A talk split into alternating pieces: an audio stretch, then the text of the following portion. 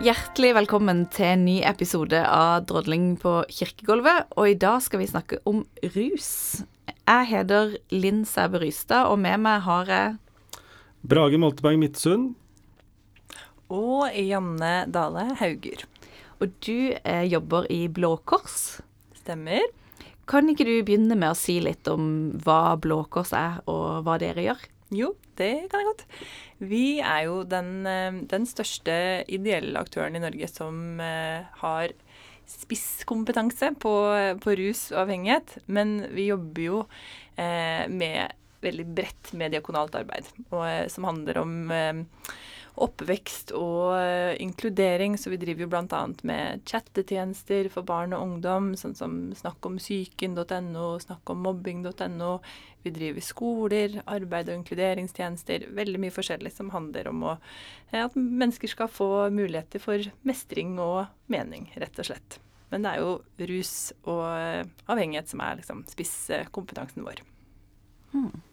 Så vi er kjempeglade for at du er med oss i dag, og vi skal snakke om litt sånn forskjellig om rus, og prøve å ende i kirka, da, og hvordan vi snakker med ungdom og de vi treffer i vår jobb eh, om rus.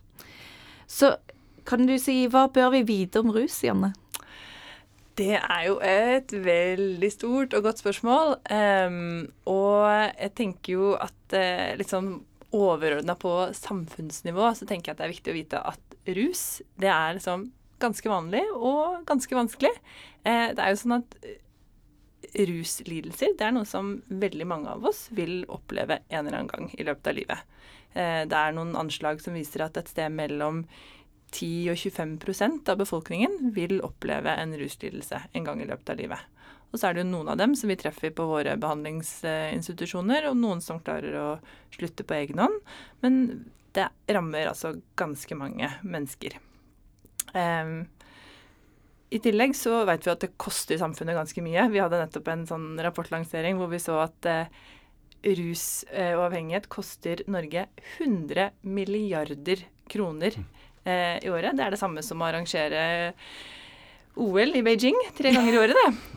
Eh, og det handler jo om tapt eh, livskvalitet, eh, om helsekostnader og eh, ikke minst alle de pårørende som eh, påvirkes. Så det er, det er utrolige kostnader knytta til, til, det. Og ikke minst ikke sant, når man setter det her i kroner og øre, så, så er det én ting, men jeg tenker for alle som kjenner noen, eller som har noen i familien som har slitt med en avhengighet, eller som eh, ja, på en eller annen måte har vært eh, påvirka av rus, enten det er akutte skader eller på andre måter, da, så, så bare vet man de utrolige eh, lidelsene det kan skape. Og så vet vi at det samtidig er veldig komplekst, fordi det er jo noe alle har et forhold til. ikke sant? Det I vårt samfunn så blir det jo forbundet med glede og feiring og hverdag og fest, og det er liksom noe som eh, alle kommer i kontakt med.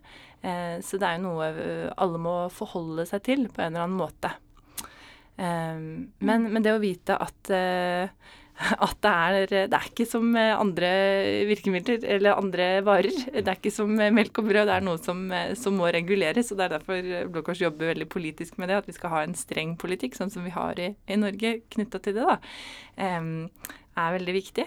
Og at det er noe som, som, rammer mange oss, at det kan ha store konsekvenser. Og det kan vi jo snakke litt mer om etter hvert ute i episoden. Mm. Men nettopp fordi det rammer mange av oss også, så det er jo viktig å bygge ned stigma rundt det. For vi vet jo at det er en stor grunn til at mange eh, Det tar så lang tid før mange får hjelp.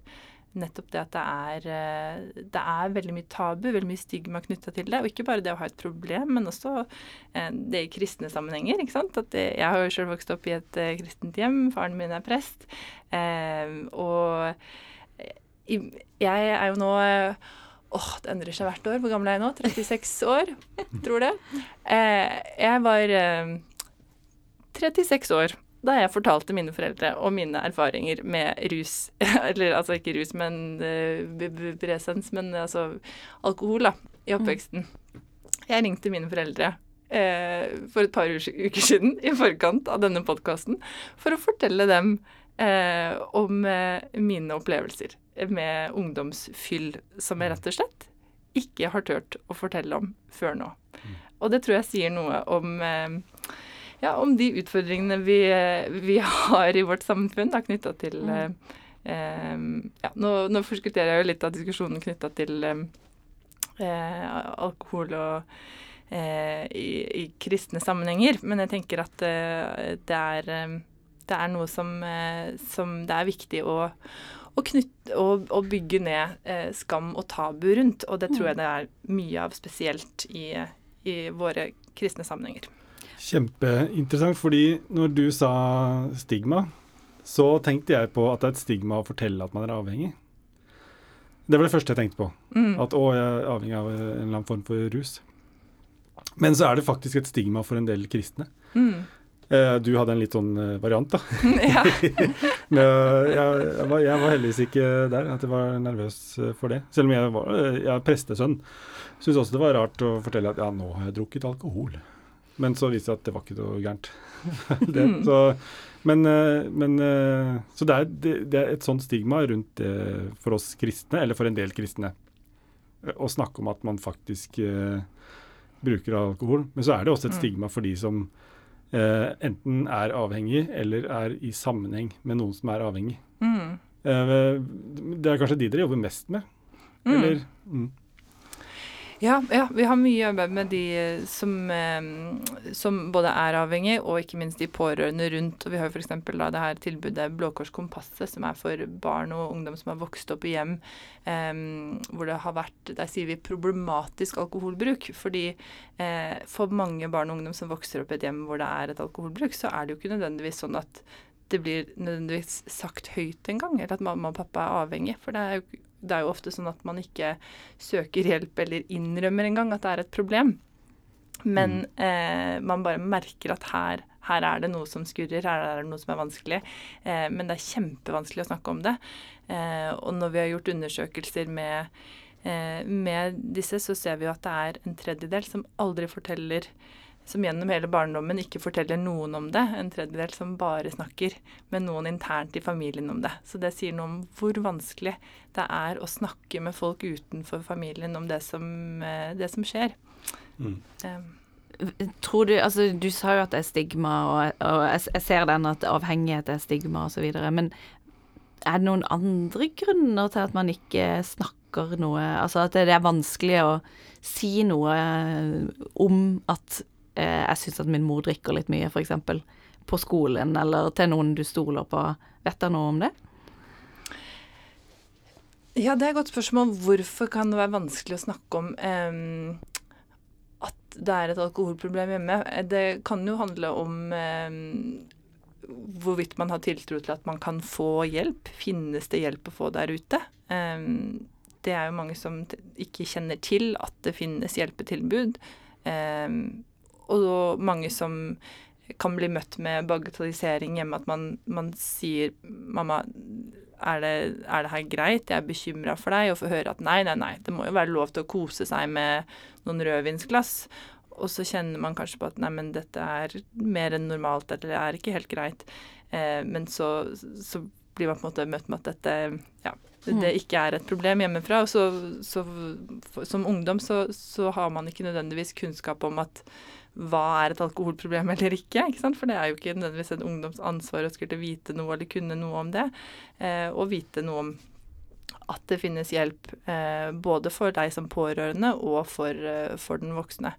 Eh, så det kunnskap om eh, alkoholavhengighet og problematisk bruk som fenomen i samfunnet, eh, det tror jeg kan være en av grunnene til at man ikke søker hjelp. Mm. For det er jo generelt et sånn oppfatning i samfunnet vårt om at man, alle skal kunne tåle å drikke alkohol, og alle skal kunne klare å holde seg tilbake. Mm. Eh, vi hadde nettopp en sånn eh, studie som så på norsk, nordiske alkoholvaner, eh, hvor vi så at Norge skilte seg ut med, fra de andre landene med det at vi eh, har stor toleranse for, eh, for bakfylla. og det handler også litt om at eh, i Norge så drikker vi ikke så mye eh, på det jevne i forhold til andre land hvor det kanskje kan være vanligere å ha liksom, et glass til vin til maten hver eneste dag. Men nor nordmenn drikker ofte veldig mye når man først drikker. Så den derre eh, å bli veldig full, det er det høy toleranse for i Norge. Eh, og dermed også så kan man eh, eh, Det kan, kan, gjøre noe med eh, måten man ja, tenker rundt hva som er Eller det, det, at det er aksept for å bli veldig full, det gjør det vanskeligere for de menneskene som kan som, mm. som ikke så lett kan stoppe etter seks øl, etter syv glass vin. Mm. Eh, for de som da ikke klarer å sette den stopperen, men som faktisk har utviklet et problem. Og der er vi jo veldig forskjellige, både biologisk innstilt fra før av. Noen av oss er mer sårbare. Eh, og der har jo jeg lært masse etter at jeg begynte i Blå Kors, mm.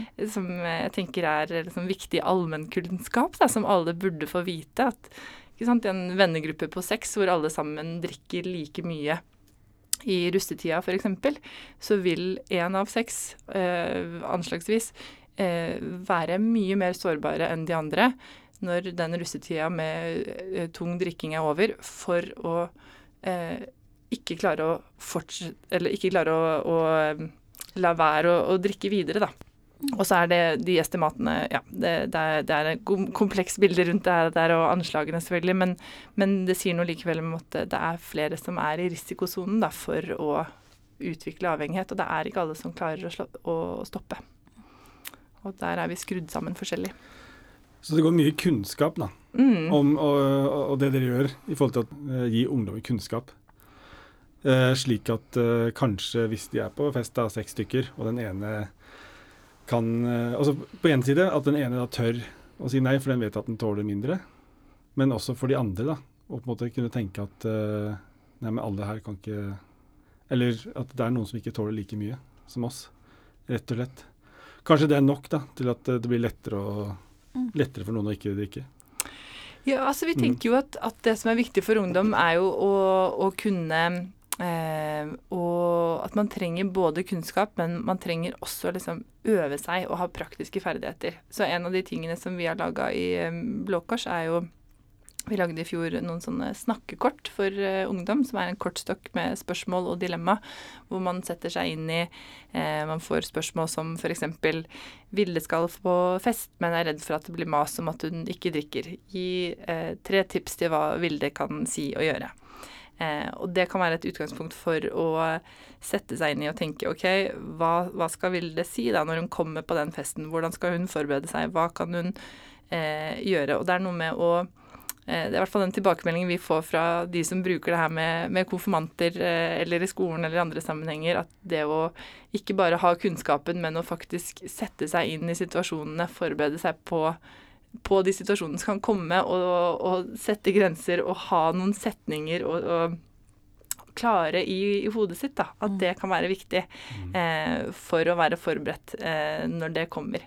Fordi det, det, kommer. De aller aller fleste ungdommer vil jo være i situasjoner på et tidspunkt hvor man blir eh, eh, hvor man vil møte alkohol. Og det er jo ikke sånn at eh, vi vet fra før av hvem som er mer eh, sårbare enn andre for å utvikle eh, en avhengighet. Og uansett så er det jo ikke sånn at avhengighet er det eneste vi er eh, bekymra for. For én eh, fyllekule, for å kalle det det, kan jo være nok til å eh, ha en av disse negative hendelsene som eh, risikoen øker for eh, når man er eh, berusa. Det, det, øker hendelsen for å ha eh, ulykker, skader, eh, ha seksuell kontakt som man angrer på i etterkant. Eh, slagsmål altså, Mange ulike ting som kan skje når man er full. Og det kan jo skje én gang uten at det er en avhengighet uh, inne i bildet. Mm. Så um, i tillegg til um, Ja, er, her er det mange ting, da. Mm. Det er ikke bare avhengighet dere tenker på? Nei. Mm. Uh, Fins det statistikk på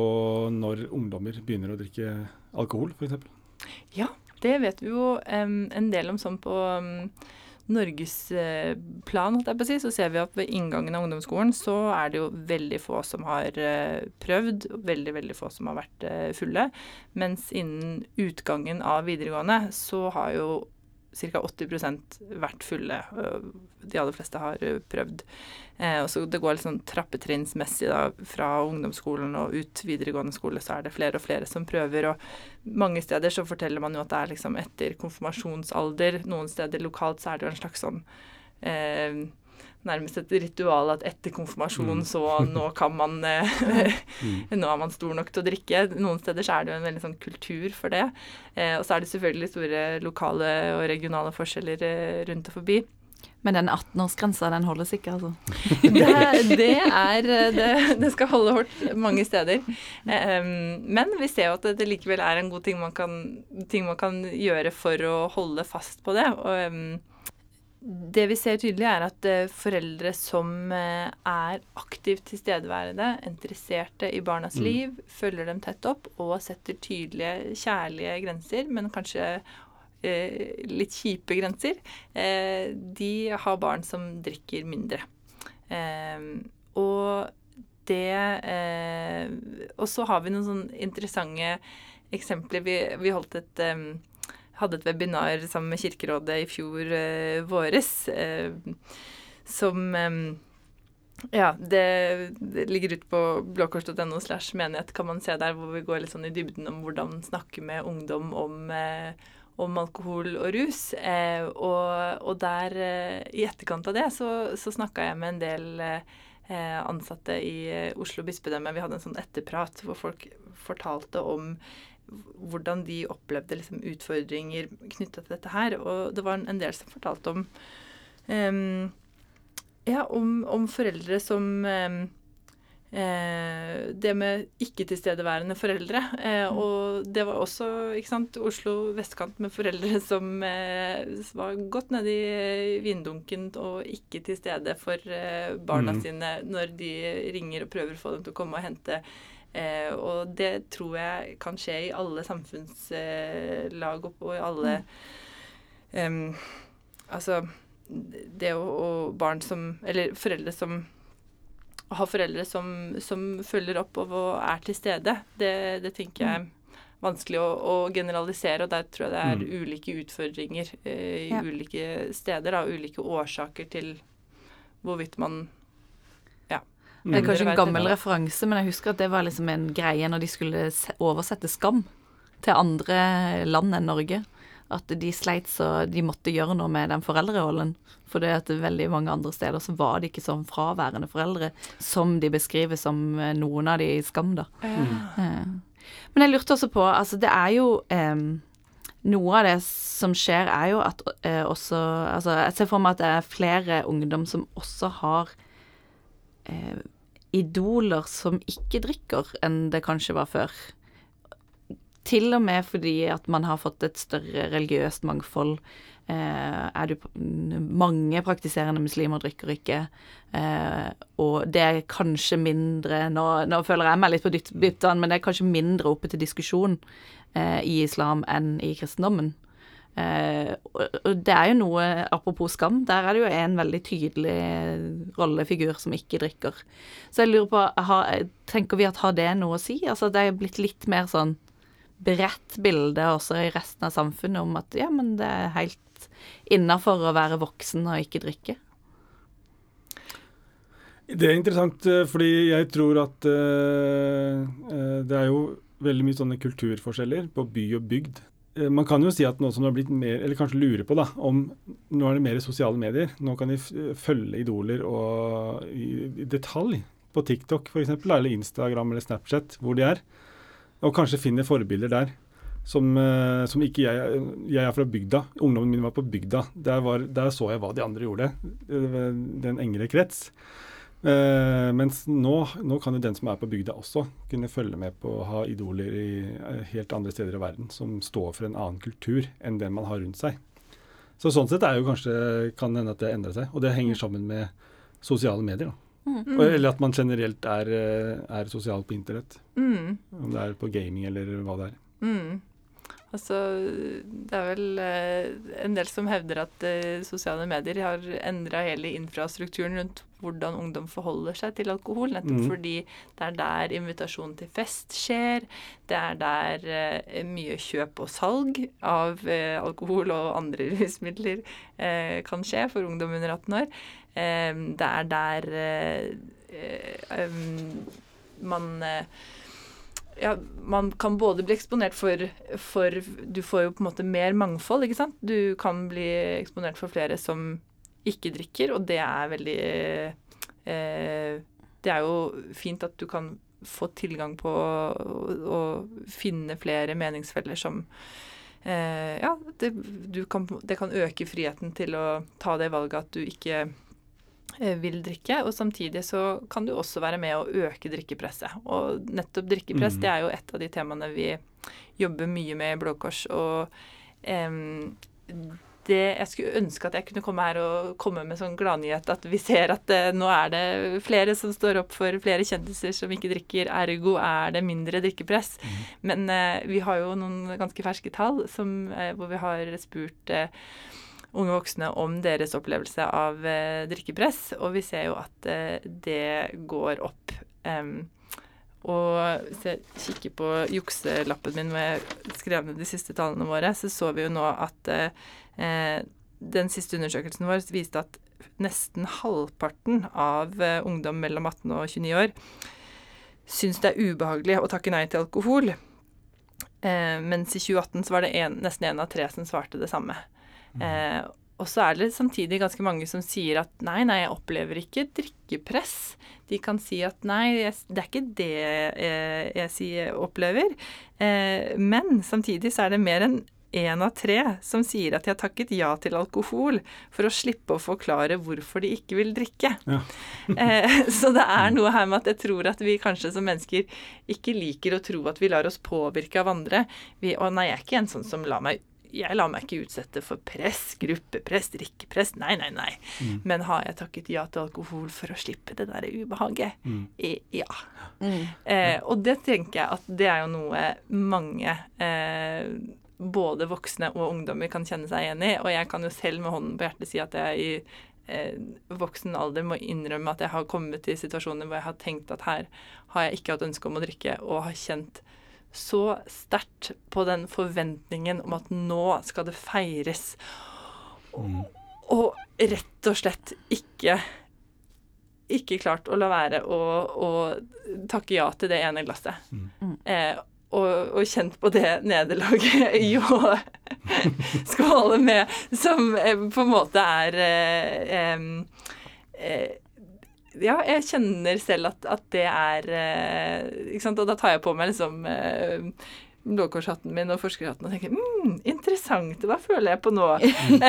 Og kjenner at eh, dette er jo Det er veldig interessant. Ikke sant? Fordi det er jo ikke det at eh, de jeg er rundt da eh, ikke vil meg vel.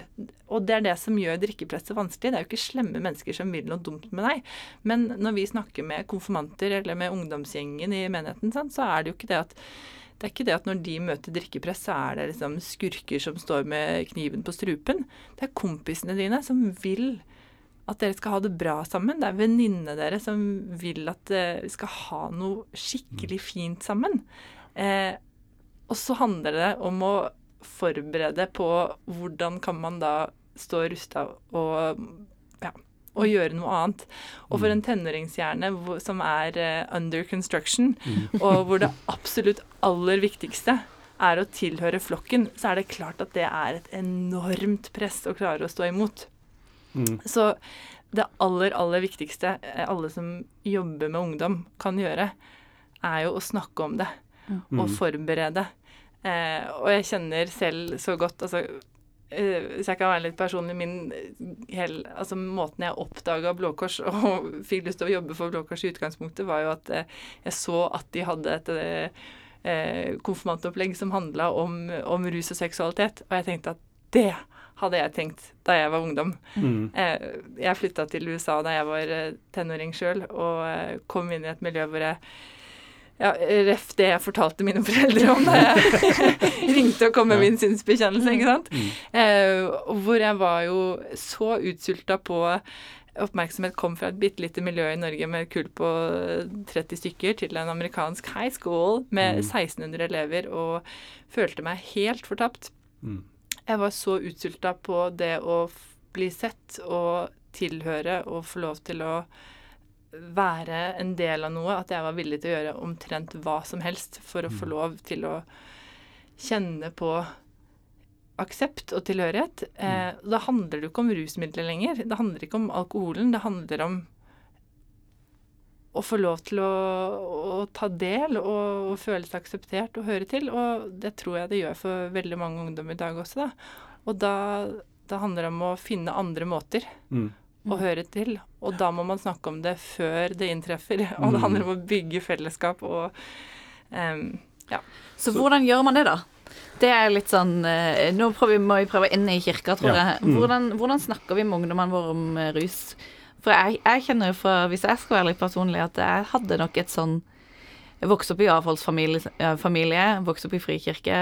Det var nei, nei, nei, nei, nei til alkohol. Altså, det var mange som røykte, for det var lov. Men eh, det gjorde ikke jeg, for jeg drev med idrett. Men alkohol var skummelt for meg veldig lenge. Fordi at det var liksom forbundet med så mye regler og ting man ikke skulle gjøre.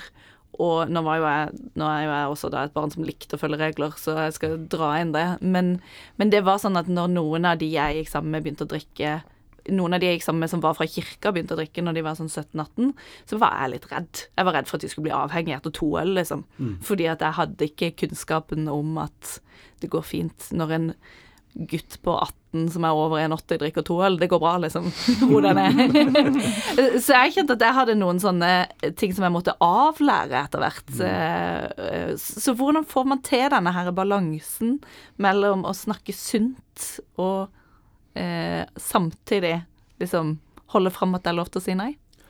Ja det, ja, det lurer jeg på. Fordi eh, jeg har jo masse konfirmanter, snakker med konfirmanter. Og eh, jeg husker eh, når jeg var, jeg var ung og var på festival og sånn, eh, så på skjærgårds, eh, og man skulle ha seminar om alkohol, så var det liksom eh, avhold som sto i sentrum. og og, og den som sto og hadde seminar, var jo avholdsmann. Eller kvinne. Nå karikerer jeg jo sånne ting, men det var sånn typisk sånn. Mens jeg har kommet fram til at det, det, hvis jeg skal både snakke sånn, så når jeg ikke fram til mine ungdommer. Fordi de er i et miljø og en kultur hvor alkohol er eh, Om ikke de har begynt ennå, så er det iallfall eh, veldig relevant. Og, og de aller fleste kommer nok til å drikke alkohol. Og tenker at det kanskje det er best å rett og slett snakke om det. Og være ærlig og åpen på det. Og, og, og ja. Så det er én ting, hvor åpent vi snakker om alkohol og sånne ting. Men også uh, skal jeg, hva skal jeg si om min egen, mine, mine egne holdninger til alkohol. Uh, jeg som da er en ikke-avholdsmann, uh, og aldri har vært det. Og så skal jeg bare si det, at jeg ikke jeg drikker alkohol, og si noe om det, eller er det Tror du det er lurt? Godt Hvor, spørsmål. hvor drikte skal vi være, liksom, med, vår, med å snakke om alkohol, og om vår egen, vårt eget forbruk? Mm. Jeg tenker at det viktigste er jo å være nysgjerrig på ungdommen og deres ståsted. Eh, for de er jo De aller fleste er jo opptatt av å bare finne ut av hva hva, hva, skal, jeg, hva skal jeg gjøre, sant? Og de sitter med sine spørsmål og sine eh, erfaringer. Så, så sta, ta utgangspunkt eh, i dem, og da kan man jo eh, En ting man kan gjøre, er jo å sjekke ut litt sånn i forkant eh, i miljøet, på en måte. Hvis man lurer på hva, hva er egentlig ståa her i denne gruppa, så går det an å forhøre seg litt med typ eh, eh, hvis, man, hvis man tenker at her er det eh, Altså alt fra helsesøster på skoler til SLT-koordinator, hvis man tenker at her er liksom rus muligens inne i bildet, hvis man ønsker å liksom Hva er en SLT-koordinator? Eh, ja, godt at du spør. Eh, det er eh, de som har eh, ansvaret i kommunen for å ha sam, samkjøre det som handler om eh, rus og kriminalitet. Mm. De har gjerne noe overblikk. Ungdata.no, der finner man også på kommunenivå eh, statistikk på Det kan jo egentlig være det letteste stedet å starte, og bare få litt sånn innblikk på eh, debut Altså hvor mange eh, som der, der, kan man se litt sånn enkel statistikk da, eh, knytta til, til, din kommune.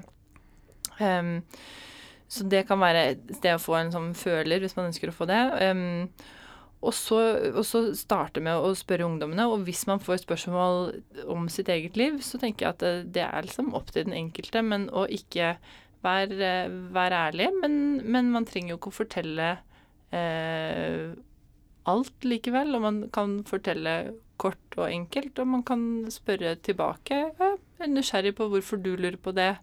Fortell mer om hva, hva du står i. Og man kan speile tilbake og, og spørre hva Å ja, ja det, det blir jeg nysgjerrig på. Fortell, hvorfor lurer du på det? Mm. Hva, hva skjer i deres miljø? Um, og ofte så, så, vil det jo være å vende tilba samtalen tilbake og prøve å, å, finne ut av hva som er um, hva som er ståa i deres miljø.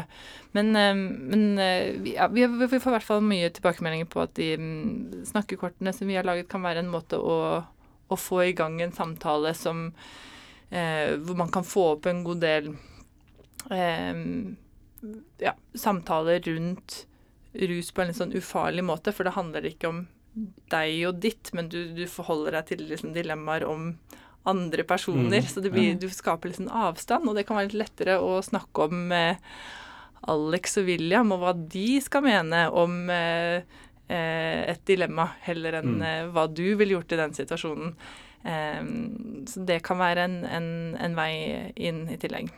Ja, og en utfordring her kan jo være at uh, for noen som har prøvd alkohol, og som angrer mm. Som dreit seg ut, eller på en måte Det var ikke, det var ikke jeg klar, mm. klar for, mener jeg. Eh, så kan det være skam ute i bildet her òg. Mm. Inne i bildet, mener jeg. At mm. det sitter noen av ungdommene dine sitter der og egentlig ganske, er ganske skamfulle. Uh, og da er det jo også viktig hvordan du snakker om alkoholen, liksom. Uh, og ikke gjør den skammen enda verre, liksom. Kjempeviktig. Og der syns jeg det synes jeg var så fint når jeg satt og så på um, eh, Hva var det? Det var vel Delta på nett, eh, hvor du hadde lagt ut eh, mm hva, hva, så jeg på da?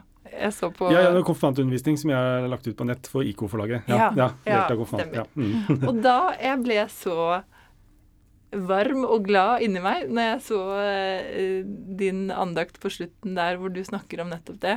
Og det tenker jeg er så viktig, og det tenker jeg hvis man bare tar med seg én ting fra denne samtalen her, uh, så er det nettopp det hvor viktig det er å snakke om for alle som jobber i kirka, å snakke om denne tematikken eh, ut ifra eh, liksom, et kristent ståsted og ta de verdiene inn i det. Eh, og det måten man kan ta opp liksom Skam, nåde, tilgivelse, frihet. Mm. Altså det ligger så mye makt i det der, da. Mm. Eh, og hvor viktig det er at man snakker om alkohol i kirka eh, for å kunne se på det fra et kristent ståsted, for der ligger det så masse. Mm. Eh, og så ja, det er rusundervisning på skolen, men det er, eh, det er fra skolens eh, mm. vinkel, og det er for det første ganske varierende hvordan det blir tatt opp, og hvilken Noen steder er det kjempebra, men andre steder så, så kan det være litt sånn virkelighetsfjernt og veldig sånn hormonsystem og nerve mm. Ikke sant? At det, det, det, er ikke alle steder det treffer. Og så vi er undersøkelser vi har gjort med ungdom også, så er det jo det at når man er i kirka, så er jo det ofte et sånt kriteriefritt rom hvor man opplever at blir møtt på en annen måte. Så det er så viktig å, å få med seg den biten der, da. Mm, ja. med å, å, bygge ned skammen og stigmaen og kjenne at her kan jeg få lov til å være hele meg. Og hvis jeg har gjort noe jeg angrer på, så mm. er dette også et sted jeg kan komme og, um, og få ta opp det og snakke med trygge mm. voksne om det. Ja.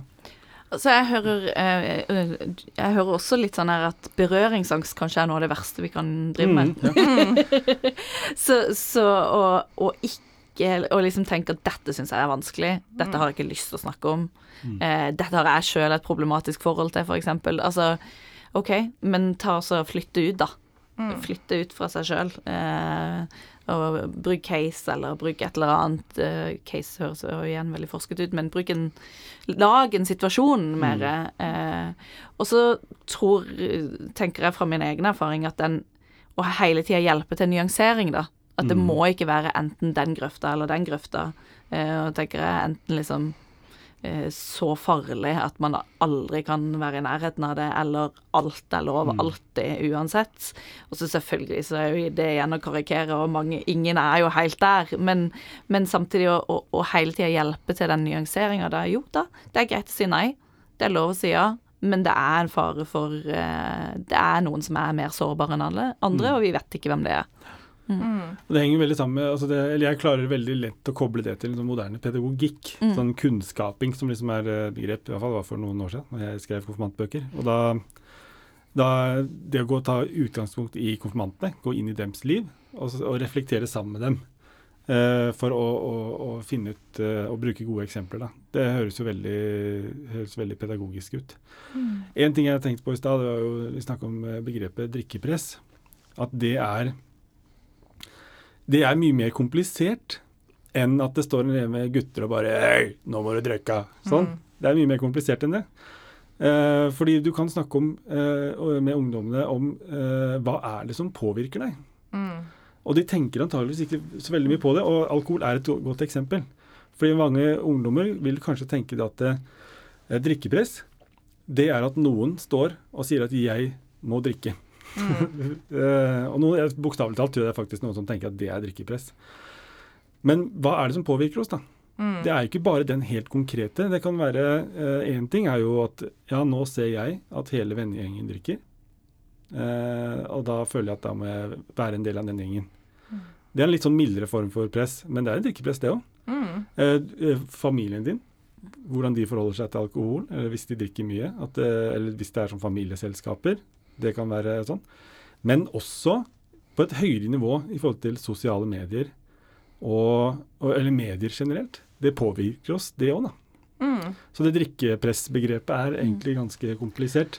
Og, hvis man skal, og der kan man egentlig bare ha en uh, tretimersøkt og Mm. snakke om drikkepress. Fordi, Mm. fordi det begrepet er jo rett og slett bare ganske komplisert. Og veldig nyttige, eh, tenker jeg da, å snakke om. Fordi vi påvirkes mer enn vi tror, og, på flere kanter enn vi tror. Og hvorfor noen, noen unnskyldninger er godtatt og ikke. Ja, ikke sant? Altså, Mm. jeg drikker ikke for, Hvis man sier jeg drikker ikke fordi jeg skal kjøre, det er liksom Det er OK, greit. Mm. Jeg drikker ikke fordi jeg er gravid, greit. Eh, jeg drikker ikke fordi jeg skal trene i morgen. Er den liksom innenfor, Mm. når du snakker om å Mm. forberede Ja. Så, så der òg er jo Det er jo noe som vi egentlig blir enige om sammen, hva som er akseptert og ikke akseptert, uten at vi sier det høyt Mm. til hverandre. Ja. Så det inngår jo også i den liksom, diskusjonen rundt en, et uh, nyansert bilde av drikkepress. da. Ja. Mm. Ja, det gjør det, altså. Det Mm. gjør det. Helt klart. Og eh, så, så det å snakke om, eh, snakke om grenser og grensesetting og, og, og på en måte ens egen autoritet er viktig da, ikke sant. Kjempeviktig. Og det vi er veldig opptatt av, er å, å snakke om drikkepress på en måte som ikke bare noe som du skal stå imot, men også noe som hver enkelt av oss må bli ansvarlig som vi skal ikke legge på andre. sant? Ja. Mm. Eh, det er litt som med mobbing, for eh, der har man jo gjerne tenkt at eh, i gamle dager var det liksom eh, Flytt mobberen vekk. men så tenker man kanskje mer nå at nei, men det, er jo, det handler om at man lager en kultur som aksepterer mobbing eller ikke. Må Man jobbe med å endre kulturen. Eh, og på samme måte så tenker vi nå rundt drikkepress at hvordan kan vi endre kulturen for drikkepress? Hvordan kan vi få alle til å være med å forstå at relativt liksom, uskyldige ting egentlig er med på å skape drikkepress. Så når du er med på å spørre 'Å, hvorfor drikker du ikke?' Mm. Hva, hva gjør du egentlig da? Du, kan du reflektere rundt hva det gjør for den personen at det er faktisk ikke første gang de får det spørsmålet. Mm. Det spørsmålet får de for femte, sjette, kanskje tjuende gang. Eh, og hvordan oppleves det for den andre personen? Så det, eller den eh, masing Vi lagde en film nå i, i år, 'Ikke være en maser', i forkant av eh, fadderuka, hvor vi prøvde å lage litt humor rundt eh, eh, hvordan den derre masinga rundt Hæ, én øl? Du kan jo ta Mm. én øl. Ja, men hallo. Det er jo fatt... Én øl, det, Mm. det kan du jo. Eh, og vi ser jo at eh, eh, folk eh, Når vi liksom setter den eh, situasjonen inn i andre kontekster, så skjønner folk hvor liksom tullete det er å drive og mase så voldsomt Mm. om den ene ølen, liksom. Eh, Ja, slapp av. Det går eh, Trenger ikke å mase så veldig om det, men, eh, men det trenger man å skape en kollektiv bevissthet om, og det, det er noe jeg tenker at Ja, det, det er et viktig oppdrag å, å snakke til hele ungdomsgjengen, og ikke bare til, til deg som bestemmer deg for å ikke drikke. men det er, eh, og derfor så, så er jo Blå Kors opptatt av å ikke, ikke vi, vi, vi, vi jobber jo veldig for den enkeltes Å skape frihet til den enkelte og, og ikke drikke. Men da, for å gjøre det, så må vi snakke til alle som drikker. For Mhm, at eh, de ikke skal legge press eh, på å drikke. Og da relativt uskyldige spørsmål som 'hvorfor drikker du ikke?' Eh, kan faktisk være med på å skape det. Så Mm. Vi, stilte opp en gang på Arendalsuka med en stor eh, gravid mage som vi spente på folk. Og sa her er unnskyldningen du ikke burde trenge. Mm. og folk kunne mm, ta bilder av seg selv og kjenne litt på Ja, det er jo faktisk ganske tullete at man må ha en godkjent unnskyldning, eh, som du sier, Linn, for Mm. å eh, slippe unna med å ikke drikke på en fest. Da tror jeg vi må gå inn for landing eh, her. Har vi noen sånn siste ja, Er det noe, Brage, du tenker på som du ikke har fått sagt? Uh, nei, det vet jeg ikke, men jeg syns jeg har lært veldig mye. Og det har vært en veldig god refleksjon over både det å ta utgangspunkt i ungdommene uh, og, uh, og det, og å jobbe med kulturen. Det er informasjon og kultur, og vekke dem opp litt og vise at Nei, men sånne spørsmål, da. Det, så et enkelt spørsmål som det, det kan, eh, det kan eh, oppfattes som press. Eller det er press, rett og slett. En ting jeg tenkte på i stad, var eh, Ja, vi tar utgangspunkt i ungdommene. og de vet jo at de er i kjerke. Men vi snakka også om hvordan det kristne livssynet, eller vårt kristne perspektiv, kan trekkes inn i det. Hvordan gjør vi det? Jeg tenker jo at det mm, Litt det jeg mm, ble så begeistret for i det jeg hørte deg snakke om tidligere, var et godt eksempel på det. da. Altså det å, å mm, nå, nå er det en stund siden jeg hørte det, men, eh, men det, det jeg sitter igjen med, var opplevelsen av eh, eh, av av, eh, av nådebegrepet, av eh, en kjærlig Gud, av eh, em, eh, forståelsen av å, å, å kunne lese Bibelen på leiting etter mennesker som har livserfaring, eh, som ikke bare er eh, en dans på roser. Mm. Eh, da var det vel 'Kvinnen ved brønnen' som var Mm. bibelhistorien. Jeg tenker at det er, Bibelen er jo full av historier av mennesker som eh, har hatt det tøft. Um, og ikke sant, nå er vi jo Når vi snakker om rus, så snakker vi jo om barn som eh, Da er jo Da er vi innom både, både det opplevelser med eh, alkohol og andre rusmidler i ungdomstiden eller eh, voksenlivet, men også det å vokse opp i et hjem med, med alkohol og rus. Og det er det jo mange som kan kjenne seg igjen i. Dessverre veldig mange flere enn det vi skulle ønske. Mm. Em, og, og det er det veldig mye Det å, å lese Bibelen med, med em, et blikk for det, da. em, og kunne kjenne igjen em, eh, både eh, ja, em, lidelse og det å vite at det er en, en nådig Gud, og ikke ta lett på ting, da. Mm. Um, og, og ikke um, Ja. Og, og, og ta, ta de livshistoriene på alvor. Det, det tenker Mm. jeg er veldig viktig. Eh, fordi det, det er liksom en, en realitet vi må ta inn over oss. At når vi vet at em, i en, et konfirmantkull, f.eks., så, så kan vi se for oss at det, når vi vet at én av ti barn og unge i Norge har en forelder som har et alvorlig psykisk helse- eller alkoholproblem, så er det ikke snakk om hvorvidt det er noen i din konfirmantgruppe som har det vanskelig hjemme. Vi vet at det er noen, fordi det Mm. treffer i alle samfunnslag. Det treffer overalt i Norge. Så, mm, så det å ja, nå, nå Ja, jeg, sier jeg meg kanskje videre fra spørsmålet ditt, men, Nei, men jeg jeg syns det, var- ja. Jeg syns det var veldig sterkt og fint å høre, faktisk, fordi, fordi eh, det handler om eh, nåde, og du finner masse mennesker i Bibelen. Og poenget med kvinnen ved brønnen i det kapitlet, som handler om eh, eh, rus, vel, det, det, det er ikke sånn veldig klart. Men hvis du jobber sammen med konfirmantene med det, og poenget mitt da med å bruke den, det var jo at det, denne kvinnen har integritet. Eh, I møte med Jesus opplever du at du har integritet, mm, og, og at det er litt viktig. mm, Og i det menneskemøtet der mellom Jesus og kvinnen ved brønnen, så, så opplever hun at hun har integritet, og hun møter Og hun gjør det fordi eh, en viktig mann snakker med henne på den tida. Han, det kunne, nå kunne det vært en kvinne. Og han viser nåde. Altså det, og at hun er inkludert i et nådefellesskap. da. mm, Eh, at det er viktig når man snakker med ungdommene. Og både fordi i forhold til eh, den skamfølelsen du kan oppleve hvis du, hvis du møter en voksen som snakker, sier at eh, nei, drikking det er helt på trynet. Da ender du med å skamme deg uansett. Uh, og samtidig er det et, eh, en sammenheng hvor du opplever at ja, men jeg har jo integritet, jeg kan si nei når jeg føler meg pressa. mm. Uh, og, jeg, og jeg også jeg bør slutte å presse andre. Fordi de, de andre har også integritet. da. Mm. Eh, så jeg syns det var veldig fin tilknytning til eh, Mm. Og det Mm. ligger masse i kristent menneskesyn og skapelsesteologi, mm. og altså det er masse å hente her, tenker jeg. For vi jobber jo stadig vekk.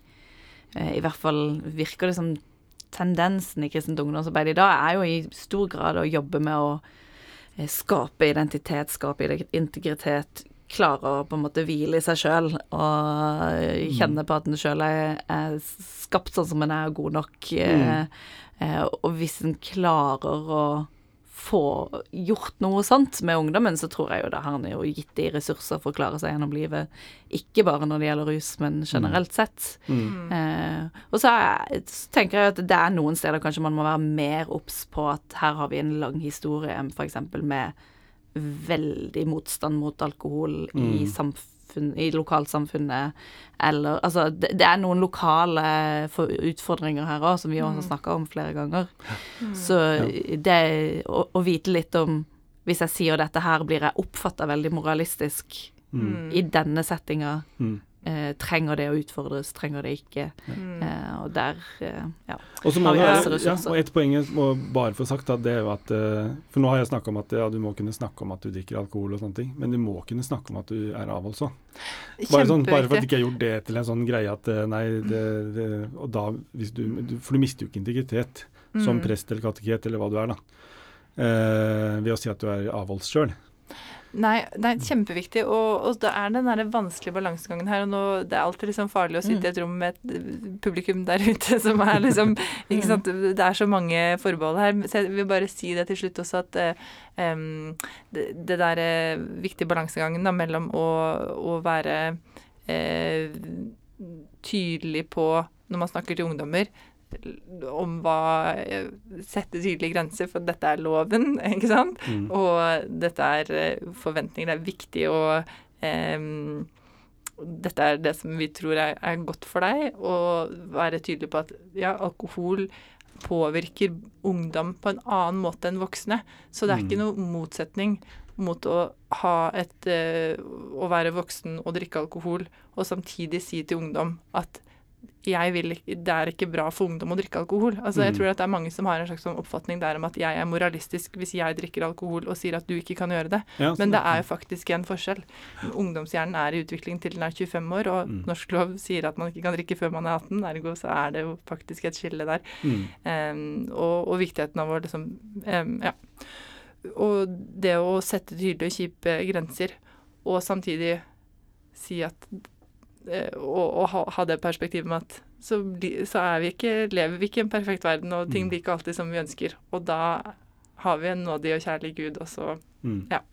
Ikke sant. Holde disse tingene sammen. Mm. Kan vi ikke slutte der? Det syns jeg. Det synes jeg. Mm. Tusen takk for at du kom. Takk selv. Takk for nå.